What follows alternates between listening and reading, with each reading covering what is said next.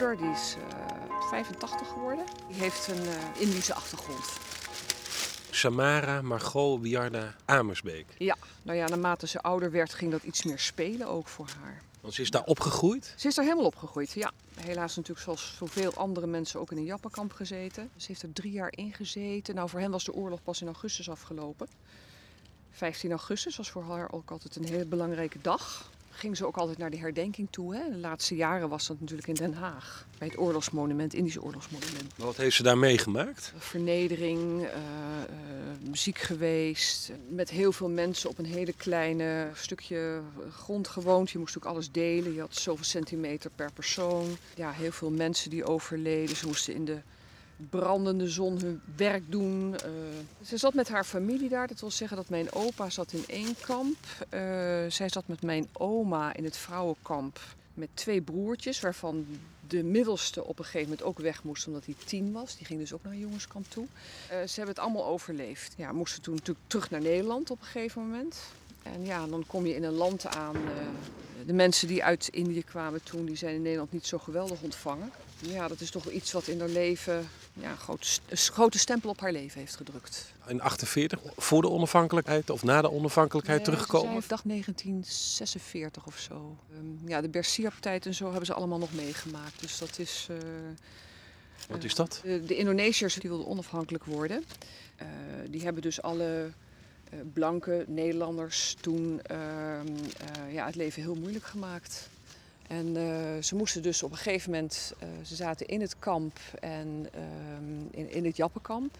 En later ze moesten ze, na de, de bevrijding, moesten ze dus in het kamp blijven om, om, om veilig te zijn. En uh, konden dat kamp niet uit, omdat ze dus anders weer een ander probleem hadden. De veiligheid kon alleen maar gewaarborgd worden in datzelfde kamp, dus dat is natuurlijk heel apart. Maar goed, toen zijn ze dus naar Nederland gekomen per boot. En toen kregen ze in het Suezkanaal kregen ze kleding uitgereikt, want ze hadden natuurlijk niks. En ze gingen naar het koude Nederland ja, vanaf die tijd woont ze hier. En ze heeft, begrijp ik nu wel uit haar dagboeken en zo, altijd wel heel graag teruggewild. Ja. Ze kwamen aan met de boot in Nederland. Ja. Uh, maar er stond dus geen uh, fanfarekorps op de kade met een heleboel Nederlanders om ze te verwelkomen. Nee, dat stond er niet. Nee, nee, nee, nee. nee. Wat gebeurde er dan toen? Nou ja, ze hadden niet direct huisvesting. Uh, op straat werd ze, dat heb ik wel gelezen in een dagboek, werd ze uitgescholden. Dat ze natuurlijk donker oogde en ja, een andere huidskleur had. En als je zoveel jaar in het kamp zit, dan. Uh, ze kwam ook ziek naar huis. Uh, ziet er toch wat anders uit. En dat, dat, dat heeft ze zich erg aangetrokken. Dus eigenlijk was ze gewoon een, een, een in feite een, een allochtoon die uh, in Nederland kwam. Hè? Ja. Heeft ze wel weer haar plek kunnen vinden hier in Nederland? Jawel, jawel, maar altijd toch wel weer. En ik denk zij van de kinderen en nog een jongere broer die toch wel heel erg veel heimwee hadden naar het leven van toen, wat er natuurlijk al lang niet meer was. En, uh, maar zij is nog wel, tot toen ze uh, ouder was, ging ze twee keer per week naar een soort dagopvang toe, met name voor mensen met een Indische achtergrond. En dan voelde ze zich helemaal uh, senang. Hoe is dat voor u geweest eigenlijk dat uw moeder dit allemaal heeft meegemaakt? Merkt u daar ook iets van? Toen ze ouder werd ging ze er meer over vertellen, kwam het meer terug. En zij was altijd heel bescheiden, dat is natuurlijk ook een karaktertrek. Maar ja, Oosterse mensen laten niet alles zien. Hè? Die, die, die, die zijn heel bescheiden. Die, die zullen niet direct ergens uh, uh, heel hard tegen ingaan of zo. Uh, ook laatst wat ze mij verteld heeft was over een grote reis die ze met mijn grootouders gemaakt heeft. Toen is ze eigenlijk al in Japan geweest. Dat was ja. voor de bezetting. Daar heeft ze over verteld, ja. Is er ook een haat richting de Japanners? We hebben nooit thuis een Japanse auto gehad. Heel lang is daar natuurlijk een, een, een aversie tegen geweest. Dat is dan weer, weer het goede. Ik heb ooit door mijn werk een, een, Japanse vrouw leren kennen, een vriendin gewoon. Dat is nog steeds een vriendin. Ik denk dat ze toen al, dat, dat ze toen al ziek was. Zij zei tegen mij, ja, het is eigenlijk toch wel goed dat jij een Japanse vriendin hebt en dat het nu weer de positieve kant op gaat. Hè? Dat, het, uh, dat moet je ook maar houden, zo zei ze. Dat, uh, dat was wel veranderd hoor, na zoveel jaar. Heel toevallig ga ik aanstaande zaterdag naar een toneelstuk dat heet Moezon. En dat gaat over een groep mensen die in het Jappenkamp hebben gezeten. Die eens per vijf jaar kennelijk uh, vieren dat de atoombom is gevallen. En dan denk je als buitenstaander van, hoe ga je nou vieren dat de atoombom is gevallen? Maar het vallen van die atoombom was natuurlijk de bevrijding voor de mensen die in de Jappenkampen zaten. En dat weet men vaak, of dat, dat realiseert men zich hier niet in Nederland. Maar u heeft dus zeg maar in uw leven, dat u thuis was als puber en als kind, nooit gemerkt van dat uw moeder uh, het best zwaar heeft gehad? Nee, ik denk dat ik me dat pas later realiseerde. U vindt het prettig om dat allemaal weer een beetje te kunnen lezen in het dagboek van uw moeder en Ja, naar dit soort toneelstukken toe te gaan. Ja, dus het, het leeft wel voort hoor. Het- Bloemen neergezet. precies. Dan ga ik weer naar huis. Ja. Met een goed gevoel. T.A. Smeehuizen. En dan staat er nog meer. Eh, ja, zijn, in, zijn legeronderdeel waar hij zat en eh, wanneer hij eh, geboren was en om het leven is gekomen. En dat is 24 5 1987, 15 6 2007. En dat is jullie zoon. Hij is eh, gesneuveld in Afghanistan. Er is een aanslag geweest in uh, Tarin Koud waar hij gelegerd zat. Op een gegeven moment was er een eh, man die zichzelf opliet in de auto en daarbij eh, zeven kinderen en twee volwassenen meenam. En waarvan Timo één. Dat was toen de, de enige soldaat die op dat eh, moment overleed. Door een terroristische aanslag, zeg maar. Aanvankelijk dachten we, nou ja, het valt nog wel mee. En ik had hem steeds aan de lijn gehad. En ik had hem de dag ervoor nog aan de lijn. Ja, je kreeg niet de indruk eh, dat het eh, serieus was. Totdat het gebeurt. Ja. En dan eh, draait de wereld eh, even niet meer. Staat even alles stil. En dat duurt eigenlijk nou, vrij lang voordat het echt tot je doordringt. Maar wat voor jongen was Timo? Een jongen die heel veel vrienden had en heel eh, gelukkig was eigenlijk. Altijd eh, eh, vrolijk, wel van avontuur hield, eh, ondernemend. Dus eh, hij vond het, aan de ene kant wilde hij eigenlijk helemaal niet weg uit Nederland. Hij was verschrikkelijk verliefd. Aan de andere kant eh, was het wel avontuur natuurlijk. En eh, hij had veel vrienden gemaakt in het leger. Het was echt zijn club met wie hij op uitzending ging. Het was ook altijd eh, wel zijn droom geweest om in het leger te dienen. Nee, het is een keuze die, die eh, zo te loops is gekomen. Hij zat eerst op de HES, de sport en management. Beviel hem niet, dat lukte niet, dat ging niet. Ging niet. Na het eerste jaar eh, stopte hij, maar hij moest wel van ons eh, iets doen. En in de tussentijd eh, zijn we gaan zoeken om, eh, om te kijken wat, eh, wat hem eh, zou bevallen. En toen kwamen we op de landmachtdagen eigenlijk, kwam hij erachter dat hij dat wel interessant vond en aantrekkelijk.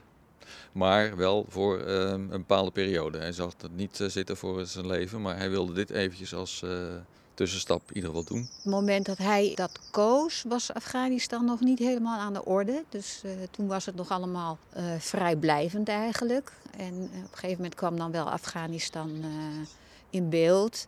Toen hebben we het er wel over gehad. Van, nou, weet je wel, inderdaad, waar, waar begin je aan? En dit is niet een, de uitzending die we voor eh, tot deze tijd hebben gehad. Dit is wel een graadje, eh, ernstiger. Dit is wel richting oorlog. Maar ja, hij had daarvoor gekozen. En op een gegeven moment merkte je dat hij eh, zich een beetje begon terug te trekken. Van nou ja, papa en mama begrijpen me niet. Of eh, ze zijn, maken zich bezorgd. En dat doen alle ouders.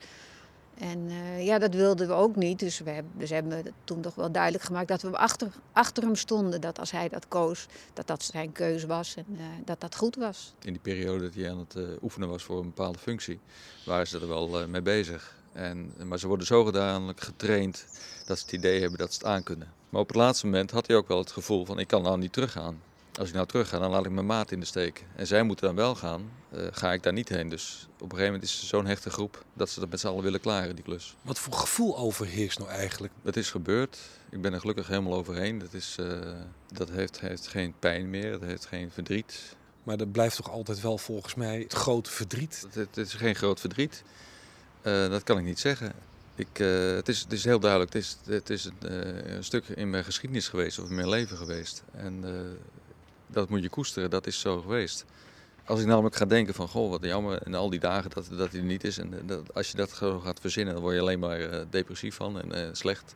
Dus misschien blokkeer ik dat, dat zou kunnen. Maar ik, ik ervaar dat, ik, dat het geen stoornis, storing is in mijn functioneren nu. En, maar het geloof heeft daarmee bij mij een heel groot eh, invulling gehad in het gat eigenlijk. Dat vult eigenlijk de, de- alle vragen en eh, vervelende gevoelens eh, lost dat op. Doodgaan is over het algemeen toch behoorlijk zinloos. Dat blijft, of je nou in Afghanistan doodgaat of hier. Maar ehm, het feit dat die school er staat en dat daar meisjes en jongens naar school gaan, ehm, geeft toch zijn doodzin. En dat wil niet zeggen dat ik ehm, daar vrede mee heb met, eh, met, met zijn dood. Maar het is wel ehm, een manier om om, uh, om ermee om te gaan. Het verdriet steekt nog wel af en toe de kop op, maar ehm, ik kan wel, wel weer genieten van het leven ook. Er liggen hier veel meer soldaten, uh, ook jongens van zijn leeftijd. Uh, is er dan nog contact ook met anderen of met defensie? Ja, met, met de andere ouders. En uh, ik heb zelf met een aantal moeders uh, goed contact. En, en het, is, wat, het is vooral heel erg ontspannen. Je, hoeft, je weet allemaal, we hebben allemaal hetzelfde meegemaakt. Je kan huilen, je kan ook verschrikkelijk lachen. En het, het kan allemaal. Niemand kijkt gek op. En dat is heel fijn. Hoe vaak komen jullie hier per jaar? Nou, ik kom hier eigenlijk maar één keer per jaar. En dat is op zijn sterfdag. Ik heb niet heel erg veel met een graf. Nee, ik kom er twee keer per jaar. Ik kom ook nog met uh, 4 mei. Het is wel belangrijk dat, dat die graven er zijn. Omdat het toch een, uh, ons bewustzijn uh, eraan herinnert dat, dat er iets gebeurd is. 4 en 5 mei is voor mij gaan leven eigenlijk door de dood van Timo. Dat we echt vrij, in vrijheid leven door de jongens als, als Timo. Ja, dat had ik daarvoor nooit zo duidelijk. dus als je meegemaakt hebt zoiets, dan, dan ja, weet je wat vrijheid is. De vrijheid die we hebben gekregen dankzij de beëindiging van de Tweede Wereldoorlog. En dat soort uh, vrijheid van staten, van, van leven, ja, is mij, uh, zijn we wel erg dankbaar door die soldaten.